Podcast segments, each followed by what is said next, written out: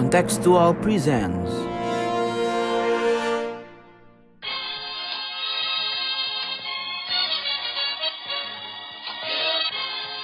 sondern wir schaffen uns unseren Staat. Mr. Gorbachev, open this gate. Together, we will make America great again.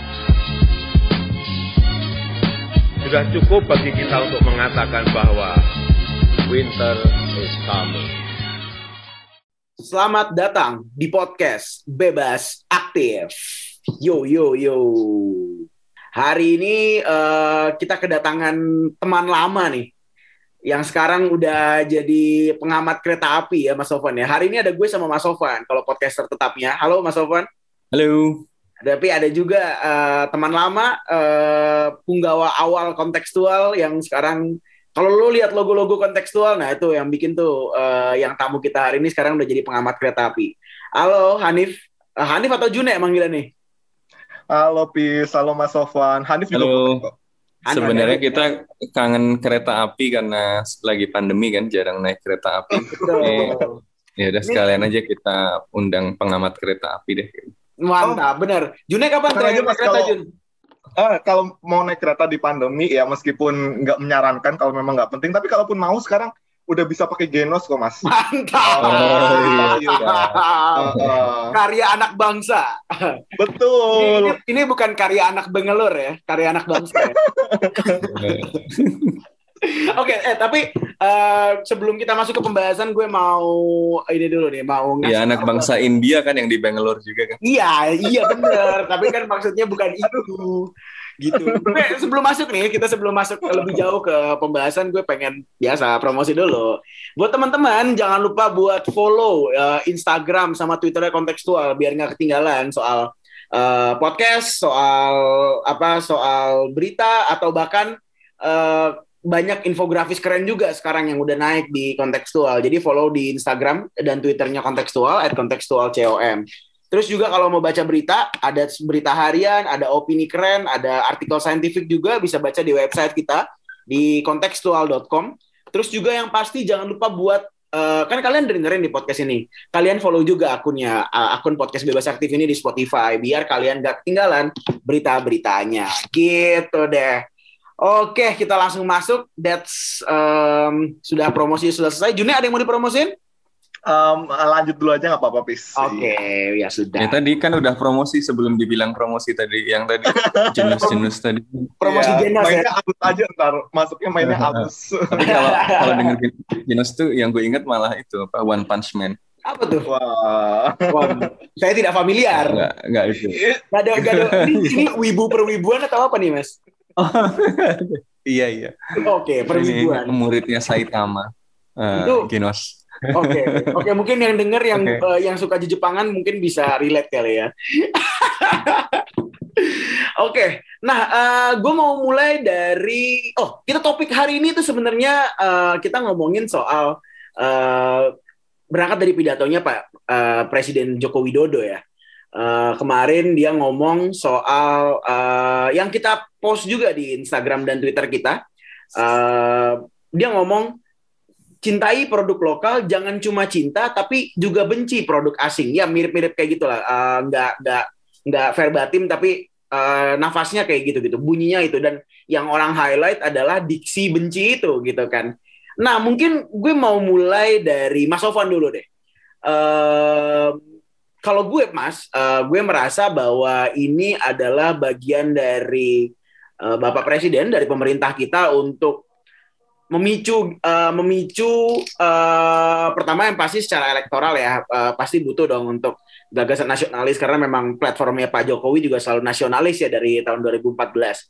Eh, tapi selain itu juga memicu diskusi soal em, soal barang-barang asing gitu. Meskipun yang ya jelas banget kok kalau misalnya kita lihat policy lainnya eh, sebenarnya banyak juga kan eh, contoh-contohnya dan mungkin nanti kita bakal obrolin lebih lanjut gitu ya soal contoh-contoh produk asing yang akhirnya dibutuhkan sama Indonesia karena mungkin nggak punya atau belum cukup. Em, tapi poin dari gue adalah kalau gue ngelihatnya ini bagian dari upaya Pak Jokowi meluruskan apa visi dia soal pemerintahan dia dan apa yang apa visi dia tentang Indonesia setidaknya kalau misalnya nanti masih ada pemilu lagi setidaknya sampai tiga setengah tahun ke depan. Penafsiran yang sangat apa ya overthinking menurut saya sih. Gimana kalau Mas? Kalau menurut saya ya, eh, ya pidato ya namanya pidato. Eh, eh, teks yang ya sudah dia sebenarnya cuma muncul untuk audiens saja gitu ya. Kalau kita lihat patternnya ya tidak kalau misalnya kita lihat eh, pattern pidato presiden dan berbagai pejabat pemerintahan dalam khususnya dalam beberapa periode terakhir ini mem- rasanya tidak ada satu benang merah yang konsisten gitu ya dari sisi kebijakan gitu. Misalnya dulu ramai sekali pidato tentang mengecam institusi keuangan internasional gitu. Tapi kemudian mengundang institusi internasional untuk jadi ya Indonesia jadi tuan rumahnya menyambut uh, institusi keuangan internasional itu. Uh, ini misalnya bicara soal uh, ekonomi uh, apa misalnya bahkan dalam bentuk yang ekstrim ya benci produk asing. Walaupun nanti nanti saya akan uh, apa bicara uh, konteksnya. Tapi uh, kemudian uh, beberapa waktu yang lalu misalnya beberapa ha- hari bahkan nggak sampai hari bahkan berapa jam kemudian membuka keran uh, impor besar untuk beras gitu kan. Jadi sebenarnya uh, Beras, ya ya. tidak perlu ditafsirkan terlalu uh, serius gitu setiap pidato ini ya Eh, karena ya memang eh, ya barangkali lebih ke apa kalau main bola itu lebih ke kayak kayak eh, apa pembicaraan pelatih di ruang ganti aja kalau timnya lagi ketinggalan gitu. Jadi Oke oke. eh, ya pep talk aja gitu. Eh, Mhm. Ini Nah. mirip apa? Ini mirip sama yang Winter is Coming eh, waktu itu karena di Ya. hadapannya World Economic Forum ya kalau nggak salah ya atau Tuh, siapa jadi- gitu kan orang-orang Jadi eh, untuk memahami pidato ini kayaknya penafsirannya nggak ke apakah platform eh, Indonesia itu nasionalis atau liberal atau ini karena kayaknya nggak ada pola yang konsisten gitu ya kalau kita amati pidato-pidatonya. Tapi kayaknya malah lebih pas kalau kita lihat dia lagi ngomong-ngomong ke siapa sih gitu. Oke Hmm. oke Dan oke. dan ngomong di situ itu ya tujuannya apa gitu ya. Eh, dan kalau kalau benang merah yang paling kelihatan adalah bagaimana supaya pidatonya jadi berita gitu. Ya, maksudnya itu mah, Pasti betul. pasti dong mas, kan namanya Pak Presiden pidato nggak jadi berita. Iya, ya, tapi itu poin pertama. Poin pertama adalah tidak ada benang merah yang konsisten ya dalam pidato-pidato eh, apa Pak Presiden ya. Ya mungkin ini ada strategi komunikasinya atau bagaimana atau entah speechwriternya memang orangnya beda-beda untuk masing-masing isu atau mungkin ya memang nggak ada satu kebijakan yang koheren misalnya gitu ya kita juga nggak tahu gitu ya. Tapi eh, pidato-pidato ini menunjukkan eh, inkonsistensi gitu ya. Eh, kalau kita perhatikan eh, pidato-pidatonya. Nah, tapi ke- makanya kemudian yang gue sebut tadi eh, nggak usah terlalu overthinking juga. Apakah misalnya, apakah ada artinya ketika misalnya dikatakan seperti itu, apakah kemudian kita akan akan melakukan kebijakan yang eh, lebih proteksionis misalnya? Oh, enggak, maksudnya ya itu overthinking aja gitu. Eh, ya itu pidato aja gitu. Take it as as a, as a speech gitu ya. Eh, didengarkan, kasih tepuk tangan, selesai. Eh, karena kalau kita eh, apa ingin mel- melihat ya posisi atau kebijakan suatu negara ya lihat eh, kebijakan yang dikeluarkan ya secara efektif. Ya misalnya eh, omnibus law kebijakan impor nah itu kan lebih efektif gitu ya. Eh, nah ini kemudian yang kedua gitu. Eh, sebenarnya apa sih yang ingin disampaikan Pak Jokowi kalau boleh menebak-nebak ya dari eh, pidato dan konteksnya ya tadi eh, ini lebih kayak pep talk eh, apa misalnya Liverpool habis ke- kebobolan gitu kemudian di eh, di sesi istirahat ya pelatihan biasa kemudian memotivasi ayo jangan begitu nanti nanti kalah nanti nggak juara lagi atau gimana gitu ya. Jadi pidatonya lebih kayak gitu. Ini misalnya kalau kita lihat teksnya ya eh, Pak Jokowi bicara tentang Kementerian Perdagangan harus punya kebijakan dan strategi yang tepat untuk mengembangkan pasar produk nasional kita Misalnya dengan mendukung program Bangga Buatan Indonesia. Bangga Buatan Indonesia. Pusat perbelanjaan, mall harus didorong. Jakarta sampai ke daerah dorong untuk memberikan ruang bagi produk-produk Indonesia, khususnya UMKM. Jangan sampai ruang depan lokasi-lokasi strategis justru diisi oleh brand-brand dari luar negeri dan seterusnya ya sampai kemudian yang itu 270 juta adalah jumlah yang besar pasar yang besar ajakan untuk cinta produk-produk kita sendiri, produk Indonesia harus terus digaungkan. Produk dalam negeri gaungkan. Gaungkan juga benci produk-produk dari luar negeri. Bukan hanya cinta, tapi juga benci. Cinta barang kita, benci produk dari luar negeri. Sehingga betul-betul masyarakat kita menjadi konsumen yang loyal sekali bagi produk-produk Indonesia. Kalau lihat dari konteksnya ini bukan ke kebijakan perdagangan ya, tapi lebih ke uh, misalnya walaupun di Kementerian Perdagangan ya, uh, tapi uh, apa konteksnya lebih ke dalam negeri sendiri bagaimana misalnya uh, tadi kalau kalau contoh yang konkret kan keberpihakan dari mall-mall saya juga nggak tahu pemerintah mengurusi apa mengatur tempat uh, etalase mall juga gitu ya. Tapi anyway uh, ya yang diberikan contoh adalah bahwa ekonomi kita hari ini belum terlalu berpihak kepada UMKM UMKM gitu ya. Kita lihat misalnya ya dari uh, tadi misalnya di tempat-tempat seperti mall yang kemudian ada di tempat-tempat yang paling mencolok, yang paling dilihat orang itu ada uh, adalah brand-brand yang bukan brand-brand lokal, bukan brand-brand UMKM. Nah ini yang kemudian uh, apa saya kira poinnya Pak Jokowi di situ gitu ya kasih ruang dong gitu buat uh, sebuah keadaan di mana uh, si UMKM UMKM ini atau industri-industri domestik ini mendapatkan uh, ruang untuk apa promosi lebih uh, lebih besar daripada yang selama ini ada gitu. Oke, kalau June gimana Jun? Pandangan lu Jun? Wih, iya. setuju banget sih sama tadi yang diomongin Mas Sofwan. Uh, satu hal yang perlu di-highlight dari omongan Mas Sofwan tuh uh, nanti akan dijelaskan konteksnya. Maksudnya untuk orang yang dengar mungkin um, perlu full, jangan sampai dipotong-potong, takutnya ntar ada salah ngomong, kepotong, kesebar yang macam-macam kan bahaya. Anyway, um, tadi yang paling menarik dari omongan Mas Sofwan adalah yang terakhir justru terkait bagaimana um, om, apa namanya pidato Pak Jokowi ini itu menekankan untuk terkait keberpihakan konsumen dan mall-mall um, yang ada di Indonesia karena kebanyakan brand yang dipajang masih brand luar dan lain sebagainya. Ini gue setuju banget sih uh, teman-teman karena um, menurut kita menempatkan brand lokal sebagai top of mind dari um, apa namanya dari mindset kita dari otak kita untuk setiap memilih barang kayak misalnya katakanlah um, ketika kita misalnya mau beli um, sepatu. Um, ini sebut merek dikit nggak apa-apa kali ya. Kalau kita mau beli sepatu skaters misalnya um, alih-alih kita langsung otak kita mikir um, ke fans kita um, yang diharapkan tuh bukan kita langsung mikir ke fans tapi kalau bisa kita um, yang pertama kali dipikirin ketika kita ingin beli sepatu skater tuh yang di otak kita yang muncul pertama kali itu Ventela misalnya. Jadi um, yang gue tangkap dari omongan Pak Jokowi itu ke arah sana uh, benci dalam artian bukan kita akhirnya um, langsung kasih ujaran kebencian atau menolak um, sepenuhnya terhadap kehadiran brand asing, tapi bagaimana kita menempatkan brand lokal menjadi top of mind di um, kehidupan kita sehari-hari. Karena toh uh, meskipun memang ada kewajiban untuk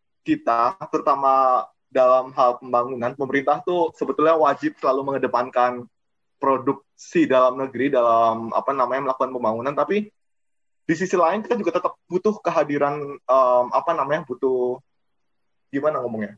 Butuh um, oh kita membuka ruang selebar-lebarnya untuk um, pihak asing untuk ikut berkontribusi di pembangunan dalam negeri. Karena di mana pun juga APBN kita tuh nggak cukup buat nutupin misalnya um, apa namanya pembangunan yang um, dibutuhkan. Jadi um, mungkin gitu kali ya Pis sama Mas Sofan bahwa sebetulnya yang dimaksud tuh bukan benci semata-mata menolak tapi lebih ke menjadikan produk dalam negeri itu top of mind di kehidupan sehari-hari gitu. Oke, tapi uh, satu poin yang menarik ya dari uh, Mas Sofwan terutama adalah kalau ngomonginnya um, perdagangan gitu, eh sorry kalau ngomonginnya uh, komersil, uh, retail dan segala macam, kayaknya menurut gue memang um, akan sangat membingungkan juga kalau misalnya, maksud gue gini, kalau misalnya ngomongin uh, level di mall pun, gue nggak punya, misalnya gue nggak punya semua barang nggak bisa menggantikan etalase yang ada di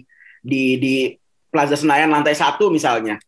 Uh, pasti kan pada akhirnya barang-barang luar negeri itu um, akan tetap ada dan akan tetap menjadi akan menjadi primadona karena satu dan lain hal ya karena uh, kondisinya kayak gitu dan oke okay, gue gue paham soal kalau misalnya itu diarahkan kepada uh, konteksnya mall atau UMKM dan segala macam. Tapi sebagai presiden ya uh, pasti orang akan melihat itu sebagai sebuah posisi. Apalagi kalau misalnya ini ngomongin soal barang asing pasti kan juga berkaitan dengan orang luar negeri dong.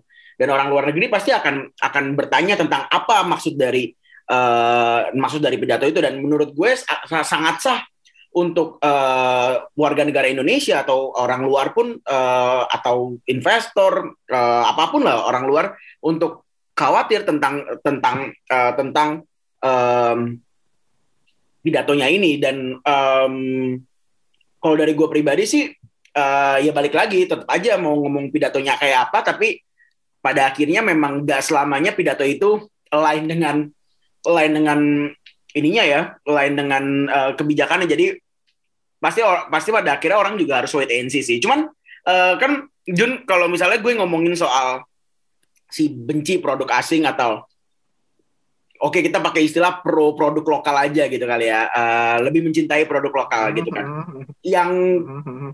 yang pengen gue aja ya waktu itu kemarin kita ngobrol soal uh, kereta yang lo tulis juga di kontekstual di website kita kan um, satu yang satu yang sangat lo senang adalah lo ngomongin soal uh, kereta produksi lokal gitu ya uh, punyanya PT Inka yang dipakai di uh, banyak pro, apa banyak program-program infrastrukturnya Pak Jokowi yang it, yang programnya itself sebenarnya uh, kerjasama dengan negara lain juga. Nah, mungkin uh, ada nggak sih hubungan antara uh, menggunakan PT Inka atau uh, segala macam dengan dengan dengan konteks uh, dis, apa konteks pidatonya Pak Jokowi ini gitu? Sebelum ngomong soal itu, gue mau komentar dulu sih soal Boleh, uh, komentar Hafid tadi yang ya. yang apa ya sah dan wajar saja orang baik publik dari dalam negeri maupun uh, asing kemudian khawatir dengan misalnya konsekuensi dari pidato tersebut gitu ya. Tapi kalau menurut gue kekhawatiran yang lebih besar itu yang yang yang seharusnya lebih wajar adalah kekhawatiran soal konsistensi kebijakan gitu ya.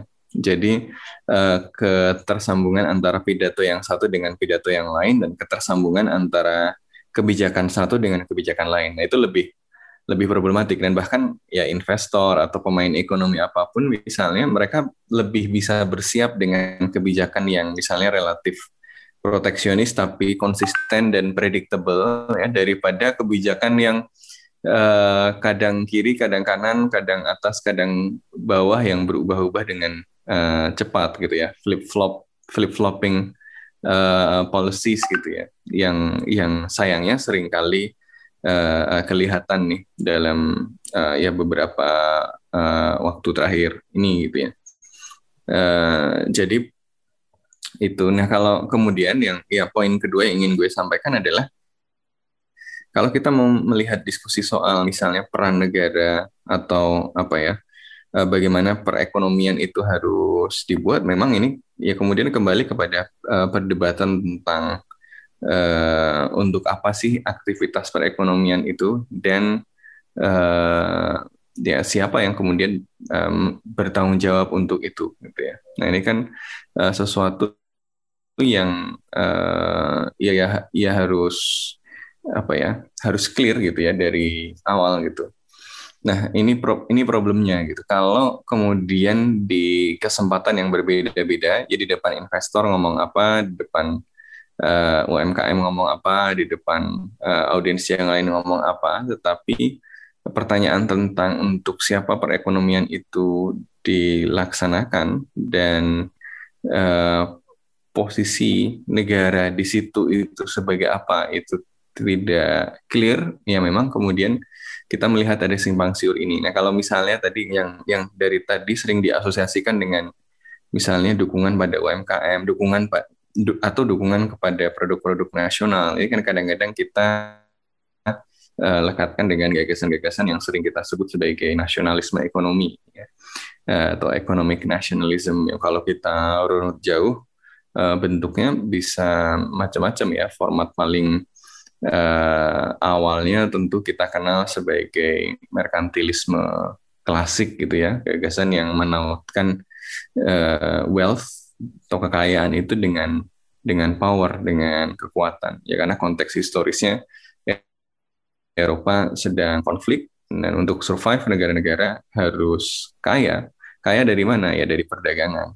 Karena itu kemudian trade menjadi uh, lifeline bagi survivalnya negara-negara Eropa ini yang waktu itu kemudian maka mereka berebut jalur perdagangan, membuka uh, apa mengeksplorasi wilayah-wilayah baru, melakukan kolonisasi, memaksakan monopoli perdagangan ya seperti VOC, memaksakan monopoli perdagangan di Banda sampai membantai penduduknya sampai punah gitu ya. Nah itu kira-kira uh, ya didorong karena uh, keharus apa uh, survival imperatif gitu ya karena kondisi politik internasional pada saat itu yang memunculkan gagasan ekonomi politik yang meletakkan wealth sebagai power dan caranya bagaimana melalui perdagangan ya supaya karena biar dia bisa kaya biar dia bisa selamat dia harus kaya. Supaya kaya bagaimana? Dagang uh, gimana? Dagang yang seperti apa ya? Dagang yang harus untung ya ekspor yang banyak impor se sekecil-kecilnya. Maka varian paling klasik ya, ini dulu ya namanya kita sebut sebagai merkantilisme kan. Uh, ya perilaku negaranya seperti uh, dagang. Tapi kemudian nasionalisme ekonomi kan berkembang lagi. Nanti merkantilisme dihajar oleh gagasan Smith dan Ricardo. Jadi kemudian ternyata ada dampak-dampak uh, negatif dari revolusi liberal yang kemudian dibalas oleh uh, negara Eropa yang waktu itu merasa terdampak oleh uh, revolusi liberal di seluruh Eropa ya. Jadi gagasan orang-orang Jerman ya dari Friedrich List ya, yang kemudian bicara soal uh, uh, national uh, power atau productive power. Nah dalam konteks inilah kalau dibaca ya teks teks ini soal keberpihakan negara kepada uh, industri uh, dalam negeri gitu ya sedikit banyak ya uh, nyambung dengan gagasan-gagasan ini gitu ya. Uh, tetapi kita melihat bahwa rasanya tidak sampai ke aspek fundamental uh, tentang ya, ya, yang men, yang sudah menjawab pertanyaan tentang peran negara itu harusnya apa dan untuk apa tujuan ekonomi itu sehingga kayak kayaknya cuma permukaan-permukaan aja gitu. Jadi kadang-kadang ambil permukaan liberalnya gitu ya oh investor muda harus uh, dibuat aturan semudah mungkin bikin perizinan bisnis begini kemudian uh, UMR uh, eh, dipatok kepada uh, inflasi dan seterusnya supaya nggak ditentukan oleh demo-demo gitu ya. Uh, terus di sisi lain juga kebijakan yang seperti benci asing dan seterusnya. Jadi uh, kayak eklektik tapi yang diambil itu ya masih uh, apa ya pecahan-pecahan aja gitu. Potongan potongan-potongan yang tidak utuh potongan-potongan yang yang tidak sempurna dari beragam gagasan ekonomi uh, politik gitu yang ini membuat kebijakan yang yang yang yang justru kita khawatir juga justru tidak sem, tidak sempurna gitu jadi omnibus law misalnya di, sangat diwarnai oleh gagasan liberal gitu ya. Tetapi kita belum yakin juga misalnya apakah prakteknya akan beneran liberal atau justru uh, yang lain gitu. Lalu kebijakan seperti ini, ya, pidato soal dukungan terhadap eh, produk-produk uh, asing gitu ya, eh produk-produk domestik gitu ya, apa iya uh, kemudian uh, apa muncul dalam kebijakan yang koheren gitu. Nah ini yang yang kemudian jadi pertanyaan. Jadi uh, ya saya kira selama pertanyaan itu tidak dijawab dengan firm uh, dan konsisten di semua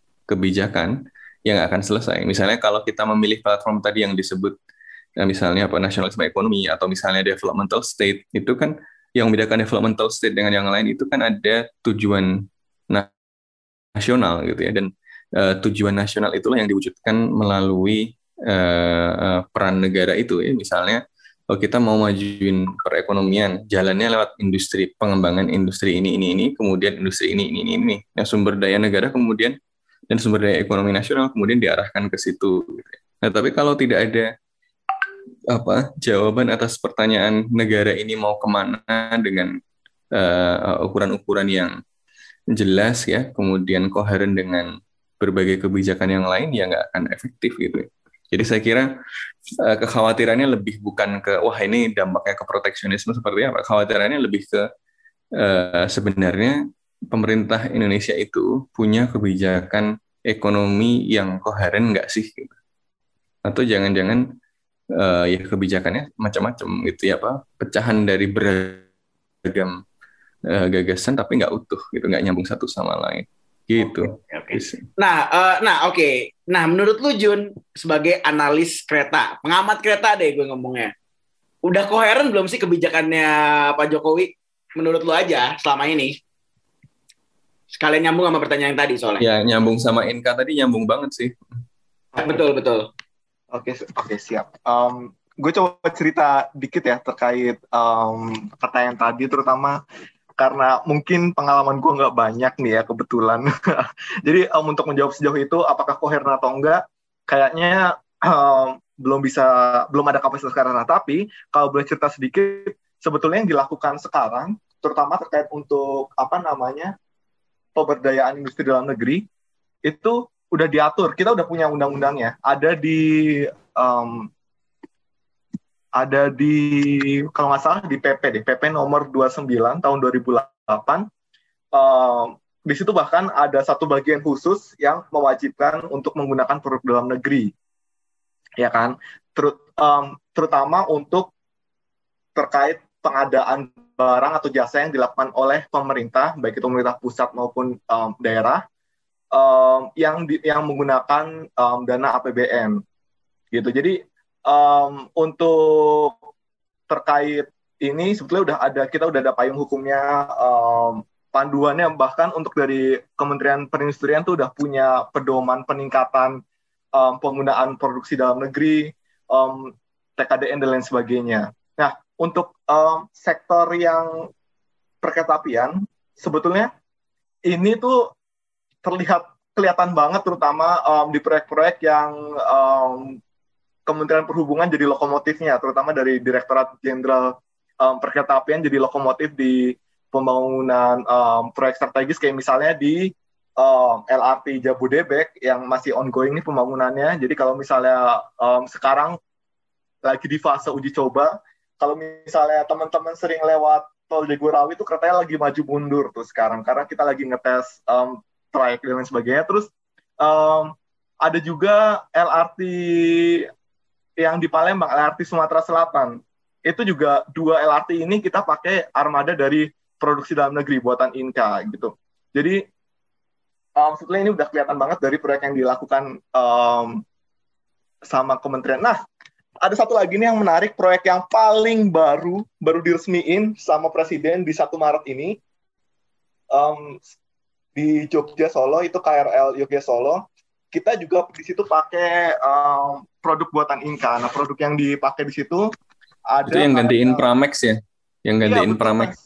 Betul. Jalurnya tuh jalur Pramex persis, cuma kita kasih elektrifikasi, kita kasih listrik terus kita ganti um, sarananya pakai sarana KRL.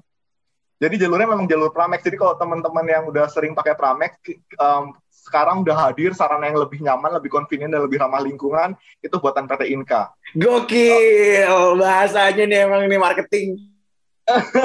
Loh, iya kan? iya. Iya iya iya iya ya. lanjut terus silakan silakan silakan. Gak apa kita tinggal pasang invoice saja ke PT uh, Inka, ya? KAI atau oh, Inka. Perhubungan kayaknya nih. Waduh, tapi boleh loh kalau misalnya ada Siap, orang siapkan Inka yang Iya, kalau ada orang PT Inka yang mau masukin ke sini boleh banget bisa ngubungin Apis. Nah, intinya adalah di balik layar aja Jun ngomongnya Jun. Kenapa? yang kayak gitu di balik layar aja ngomongnya ntar pada denger. Oh iya. Canda-canda. Lanjut lanjut lanjut. iya. Iya.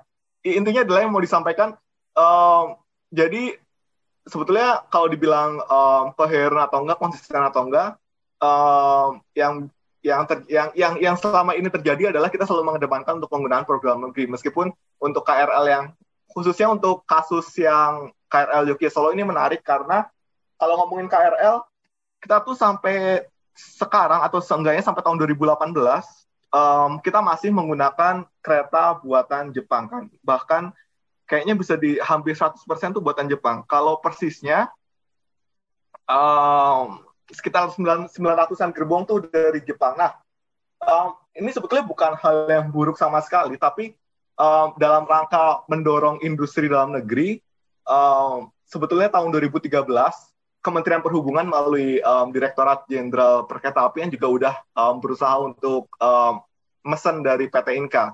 Nah, di situ PT Inka um, kerjasama dengan Bombardier Jerman bikin kereta yang kita kenal dengan um, serinya I9000 atau kereta KFW. KFW ini sebetulnya um, KFW itu singkatan dari apa ya nama Jerman gitu intinya dia lembaga yang ngasih pendanaan di proyek ini. Tapi kemudian 2013 um, nggak sampai setahun dua tahun kereta itu um, banyak masalah ya kan um, akhirnya ditarik kembali nah baru di tahun 2019 kemarin DJKA Kementerian Perhubungan melalui DJKA akhirnya um, merevitalisasi kereta-kereta yang sempat dikandangkan itu dimul diganti mulai dari um, keretanya eh kereta bukan kereta apa namanya pintunya terus um, dikasih cat yang livery dan sebagainya untuk digunakan lagi di um, apa namanya di proyek ini di KRL UK Solo. Sebetulnya ini menarik karena di sini um, bahwa dari kementerian juga masih berusaha memberdayakan produksi dalam negeri meskipun um, kita akui lah di situ kan banyak um, apa namanya ketidaksempurnaan yang akhirnya disempurnakan kembali melalui revitalisasi tahun 2019 ini. Nah, kalau ngomongin KRL UK Solo nih ya, tadi Mas Sofan tuh udah sempat bahas ini ganti Pramex. Jadi kalau misalnya teman-teman pengen coba, tiketnya tuh masih sama persis Mas sama tiketnya Pramex. Kita masih harganya tuh 8.000 dari Jogja ke Solo 8.000. Oh, lumayan banget tuh.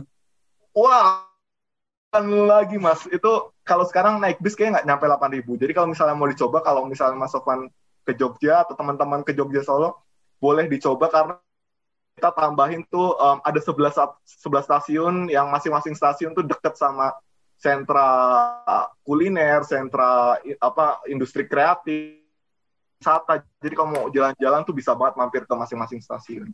Gitu Pis dan Mas Sofwan. Ya, jadi um, untuk koheren belum bisa, tapi ya seenggaknya lo bisa ngelihat ada visi ke arah sana lah ya ada upaya yang dilakukan. Ada upaya, ada upaya yang ingin dilakukan biar uh, apa uh, produksi dari lokal bisa digunakan di jalur-jalur kereta yang mungkin nggak cuma di Jakarta ya, tapi di seluruh Pulau Jawa lah paling nggak gitu ya. Tapi ini memang menarik sih karena kereta apian itu selalu uh, ada di jantung perdebatan soal peran negara ya. Kalau kita ingat uh, prospas apa periode kebangkitan uh, apa neoliberal uh, itu kan yang yang langsung disasar adalah uh, kalau nggak uh, post office ya railway kan mm-hmm. uh, jadi apa ya karena kenapa? Karena kereta api ini kan transportasi uh, apa publik gitu ya yang yang penting. Dan dia kemudian memiliki konsekuensi banyak kepada pola mobilitas uh, masyarakat ya. Eh, apa kemudian berpengaruh kepada misalnya apa ya pola transportasi yang digunakan oleh masyarakat ya kan. Kalau misalnya kereta apinya eh, jalurnya ekstensif kebutuhan untuk mobil misalnya akan berkurang ya dan seterusnya dan seterusnya gitu. Jadi eh, kereta api ini memang eh, perkereta api ini memang sektor yang eh, yang menarik yang penting dan sedikit banyak uh, bisa menjadi salah satu indikator soal jawaban tadi negara itu sebenarnya mau mau apa sih gitu ya dengan uh, ekonomi itu gitu ya. Dan tadi menarik sebenarnya untuk melihat bagaimana ternyata ya dari 2013 misalnya negara sudah berupaya untuk kemudian lebih apa ya istilahnya uh, ya lebih memberikan dukungan kepada industri uh, perkereta apian domestik gitu ya. Uh, walaupun uh, apa kita misalnya tidak melihat itu uh, sebagai sesuatu yang apa ya sangat besar gitu ya. Misalnya sampai kita punya uh, kayak apa satu industri uh, yang misalnya muncul jadi ada hyperloopnya atau apa gitu ya. Maksudnya be belum uh, wah-wah banget tapi ini progres yang yang menarik gitu ya. Uh, dan dan saya kira apa penting untuk diamati gitu.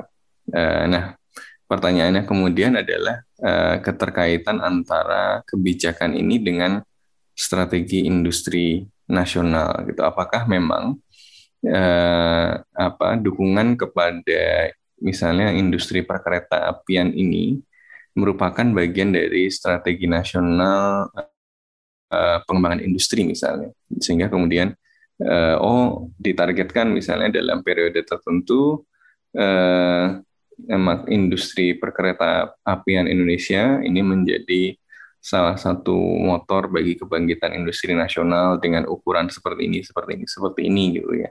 Nah ini yang yang mungkin menarik juga untuk dielaborasi, Jun. Uh, jadi sebenarnya apakah ada master plan itu gitu ya yang kemudian mem membuat kita melihat bahwa pembangunan industri perkereta apian nasional ini uh, apa ya bukan tanda dari fragmentasi kebijakan ekonomi tetapi tanda bahwa memang ada satu uh, kebijakan ekonomi uh, untuk mendorong uh, industri nasional gitu ya.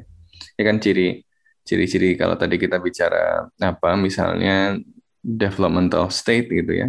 Ya tadi ada ada satu uh, tujuan nasional gitu ya yang kemudian diejawantahkan dalam bentuk uh, kebijakan industri gitu ya di mana negara memang kemudian ter, terlibat uh, langsung ya negara membangun kapasitas dan kemudian dengan kapasitas itu uh, dia ya membangun uh, membangun perekonomian sesuai dengan tujuan nasional itu.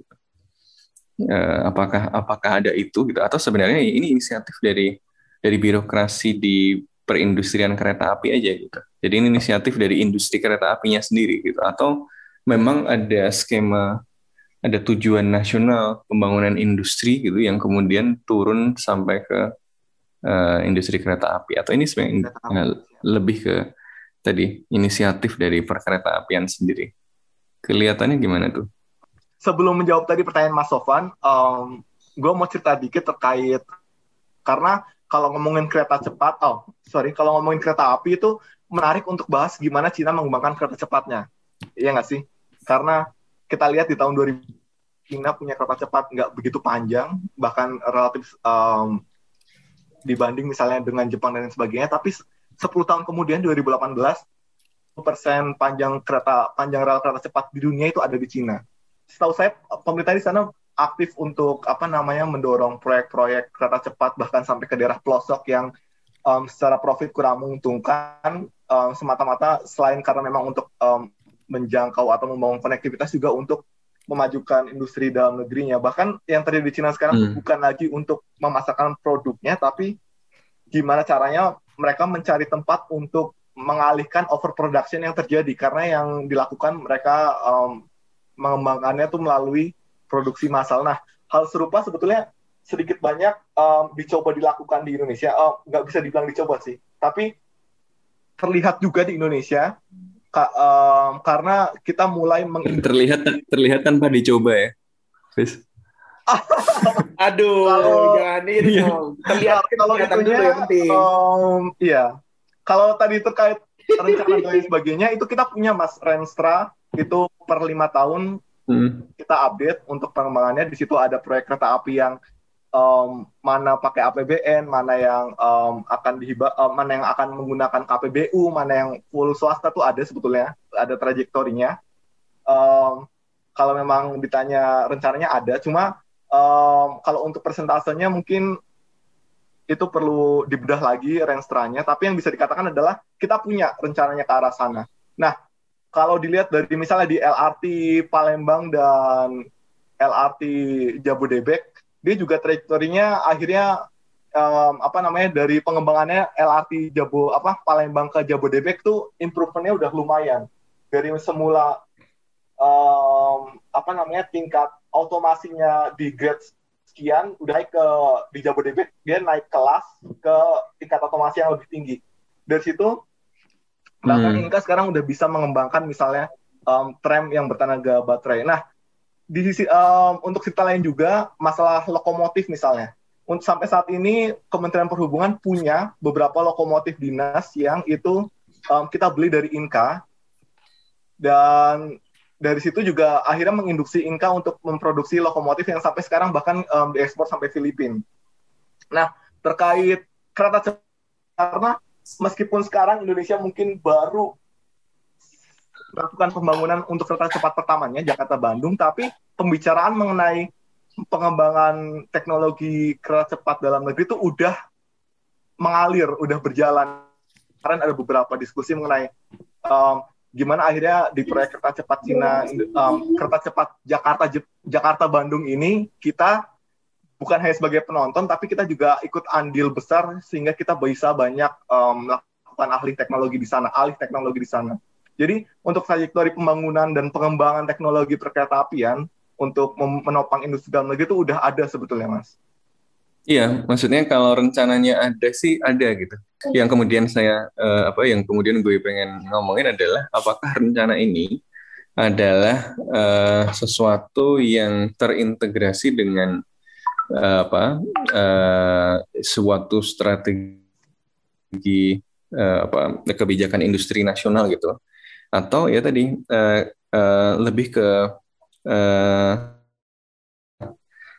kebijakan yang sifatnya fragmented gitu ya. Jadi kalau kita lihat kan kalau di developmental state gitu, uh, bukan berarti bahwa developmental state itu yang yang ideal ya, tapi biasanya kalau di apa di Asia Timur yang developmental state dulu uh, industrinya ya dibangun dengan uh, apa misalnya beberapa ciri gitu ya. Uh, ada misalnya kebijakan uh, yang terpusat ya untuk in, in, untuk industrial policy di kalau di Jepang itu kayak di apa uh, uh, uh, METI gitu ya uh, atau di apa di MITI gitu ya uh, di apa Kementerian Industri dan uh, Perdagangan gitu.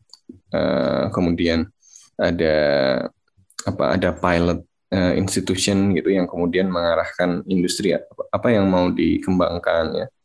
Dengan uh, dengan arah yang seperti apa. Baru kemudian ketika tahapnya jalan pasca industri ke level yang lebih tinggi birokrasinya didesentralisasi. Kemudian ditandai juga dengan, dengan insulasi dari uh, apa para pembuat kebijakan industri ini. Jadi insulasi ini ya ke keterpisahan gitu ya para pembuat kebijakan dari kepentingan industri uh, yang terlibat ya para pemainnya yang terlibat. Kenapa? Karena ini penting supaya arah kebijakan industri ini memang didorong uh, untuk mencapai tujuan nasional tadi gitu bukan untuk uh, bukan kemudian di capture oleh kelompok-kelompok tertentu. Nah ini kan yang kemudian kemarin apa pada masa orde baru itu kan diperdebatkan gitu ya ketika misalnya Habibinomics gitu ya. Oke itu semacam developmental state ke, langsung ke ujung gitu ya. Tetapi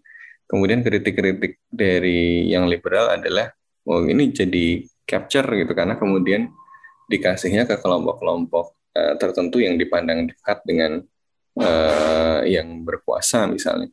Nah jadi uh, pertanyaan gue lebih ke ada nggak strategi pengembangan di industri itu, tetapi apakah uh, strategi pengembangan di industri kereta apian ini ini uh, terintegrasi dan koheren dengan kebijakan industri nasional gitu yang lebih besar gitu. Apakah ada satu garis yang diikuti oleh seluruh uh, kementerian untuk pengembangan industri ini gitu ya? Atau uh, misalnya seluruh bagian dari pemerintahan atau ini fragmented? Misalnya oke okay lah diproduksi uh, apa PT Inka tadi sudah bagus ya dengan rencana macam-macam. Tetapi setelah misalnya digunakan misalnya kayak uh, yang yang yang sering kita jumpai itu kan kayak uh, sudah dibuat dipakai gitu tapi kemudian setelah itu tidak termanfaatkan atau tidak bisa optimal penggunaannya karena uh, aspek lainnya tidak terbangun untuk mendukung itu. Kayak misalnya apa yang eh, LRT atau MRT yang di Palembang itu ya, yang dulu dipakai uh, Asian Games kan, uh, katanya kemudian jadi mengalami kesulitan karena ya udah uh, uh, sudah dipasang bagus-bagus, tapi setelah itu uh, bagaimana uh, apa ya dia bisa sustainable dipakai untuk kepentingan publik tidak uh, tidak diperhitungkan dalam jangka panjang gitu. Jadi uh, poinnya di situ sih. Uh, apakah dia bagian dari satu kebijakan industri nasional yang terintegrasi atau ya tadi dia fragmented dari ya kebetulan saja di bagian kereta apian ini orang-orangnya uh, progresif untuk mendorong industri nasional gitu tetapi uh, dia nggak mungkin tumbuh sendirian dong. Kalau dia tumbuh, dia harus tumbuh di ekosistem yang kondusif gitu. Jadi uh, kalaupun dia punya rencana industri di sektor itu, tapi kalau kemudian dia terputus dengan pembangunan ekosistem yang mendukung, yang itu butuh satu kebijakan industri nasional yang yang kuat. Nah ini uh, mungkin agak susah juga, Jun. Gitu kayaknya.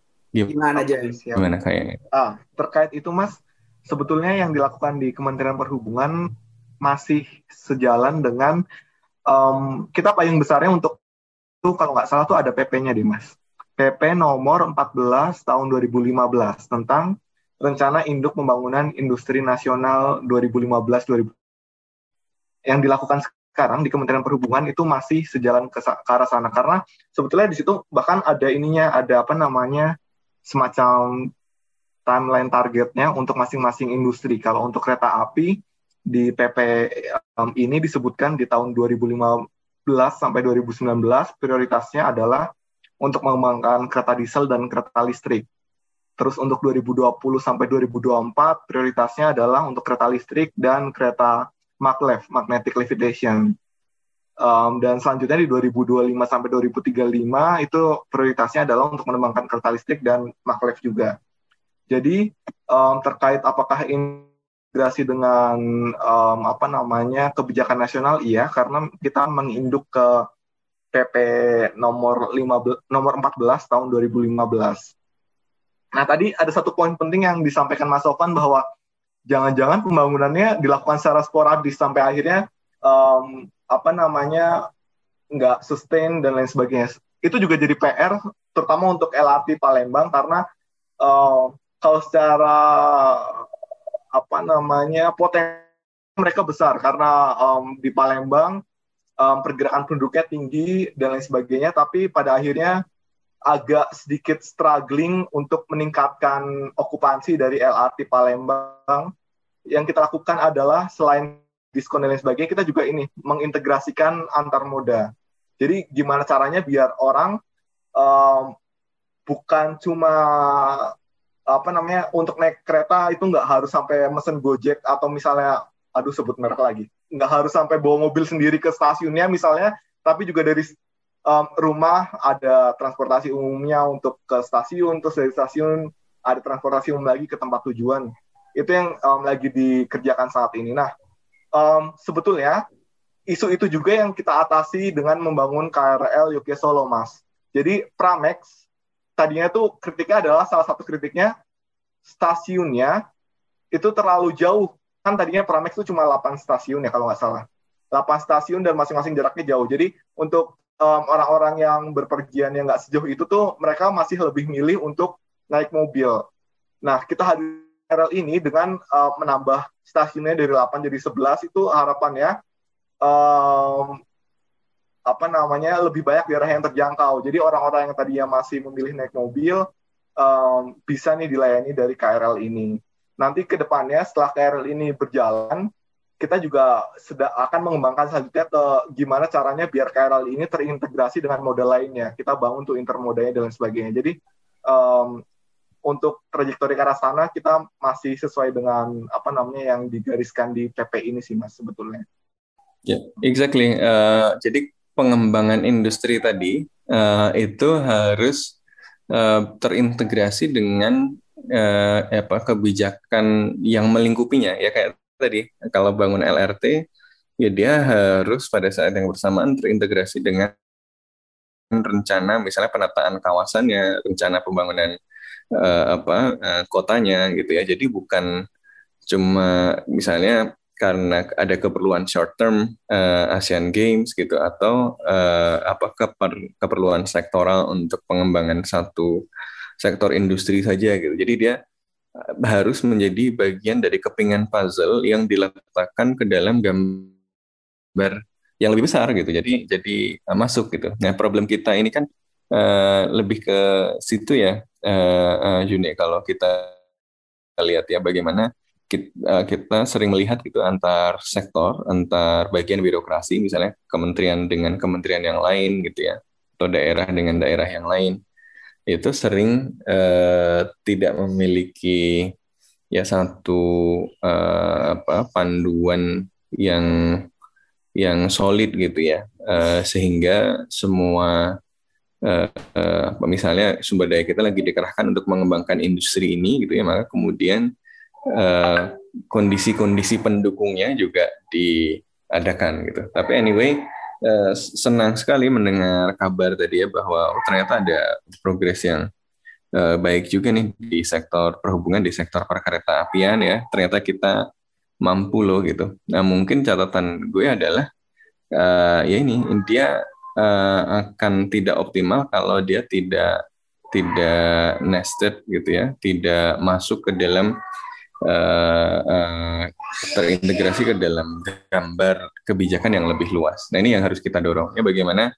birokrasi yang tersebar di berbagai kementerian ini satu bisa terhubung satu sama lain dengan sinergis sehingga punya satu rencana yang utuh. Jadi pengembangan kereta api yang sampai bisa jadi ada maglevnya tadi itu dapat tempat gitu. Uh, di mana tempatnya, apa uh, infrastruktur lain yang harus menopang, kondisi tata ruang seperti apa yang harus dibangun dan seterusnya itu harus jalan. Kemudian yang uh, kedua adalah uh, apa uh, apa selain antar birokrasi tadi, yang kedua adalah memastikan bahwa kebijakan industri ini bisa bersifat jangka panjang uh, dan terinsulasi dari kepentingan kepentingan uh, apa uh, bisnis gitu yang kemudian oh saya mau mengembangkan industri ini gitu uh, maka supaya dapat dukungan negara misalnya uh, arah kebijakannya tolong diarahkan ke sana gitu. tapi bukan sebenarnya kepentingan nasional. Nah ini harus dihindari. Jadi satu uh, adalah membongkar siloisme antar birokrasi. Dan kedua adalah menginsulasi para pembuat kebijakan dari kepentingan kepentingan dari vested interest dari bisnis yang mungkin punya kepentingan dalam pengembangan industri tadi sebagai pemain. Itu sih catatannya. Wow. Oke, mantap. Terima mantap, kasih mantap, banyak mantap. Mas Sofwan itu sangat insightful sih Mas. Anjay. Ini Jun udah nggak ada balasan lagi Jun ya? Um, enggak sih, mungkin mau nambahin kalau untuk intermoda itu sebetulnya udah diatur juga di UU nomor 23 tahun 2007 bahwa setiap pengembangan kereta api itu harus memikirkan jadi um, ya insya Allah itu juga akan diupayakan untuk selalu sinergi sih. Terlebih kan um, kalau um, membicarakan kementerian perhubungan ini menarik karena Kementerian Perhubungan menjadi salah satu kementerian yang sudah terdesentralisasi. Dalam artian um, kita nggak ada perwakilan tapi yang ada tuh unit pelaksana teknisnya. Jadi memang agak apa namanya banyak tantangan untuk um, gimana akhirnya membangun um, suatu intermoda yang saling terkoneksi satu sama lain tapi tantangan itu yang sampai sekarang masih terus dicoba untuk diatasi. Gitu kita. mantap. Oke terima kasih banyak June. Terima kasih banyak Mas Sofwan. Uh, buat teman-teman jadi jangan tiba-tiba langsung benci lah uh, produk luar tapi juga jangan apa jangan tiba apa jangan uh, gila juga gitu sama produk luar. Jadi kayaknya memang harus ada keseimbangan. Uh, kalau misalnya pemerintahnya nggak belum jelas mau ngapain, seenggaknya kitanya aja yang jelas mau ngapain gitu sih. Nah, itu kali kesimpulan dari gue. Uh, terima kasih banyak June dan Sofan sekali lagi. Dan uh, buat teman-teman jangan lupa buat dengerin uh, episode podcast bebas aktif yang lainnya. Uh, gue dan uh, Mas Sofan dan June pamit sampai jumpa di episode selanjutnya. Bye bye. Dadah, thank you, please. Thank you, Mas Sofan.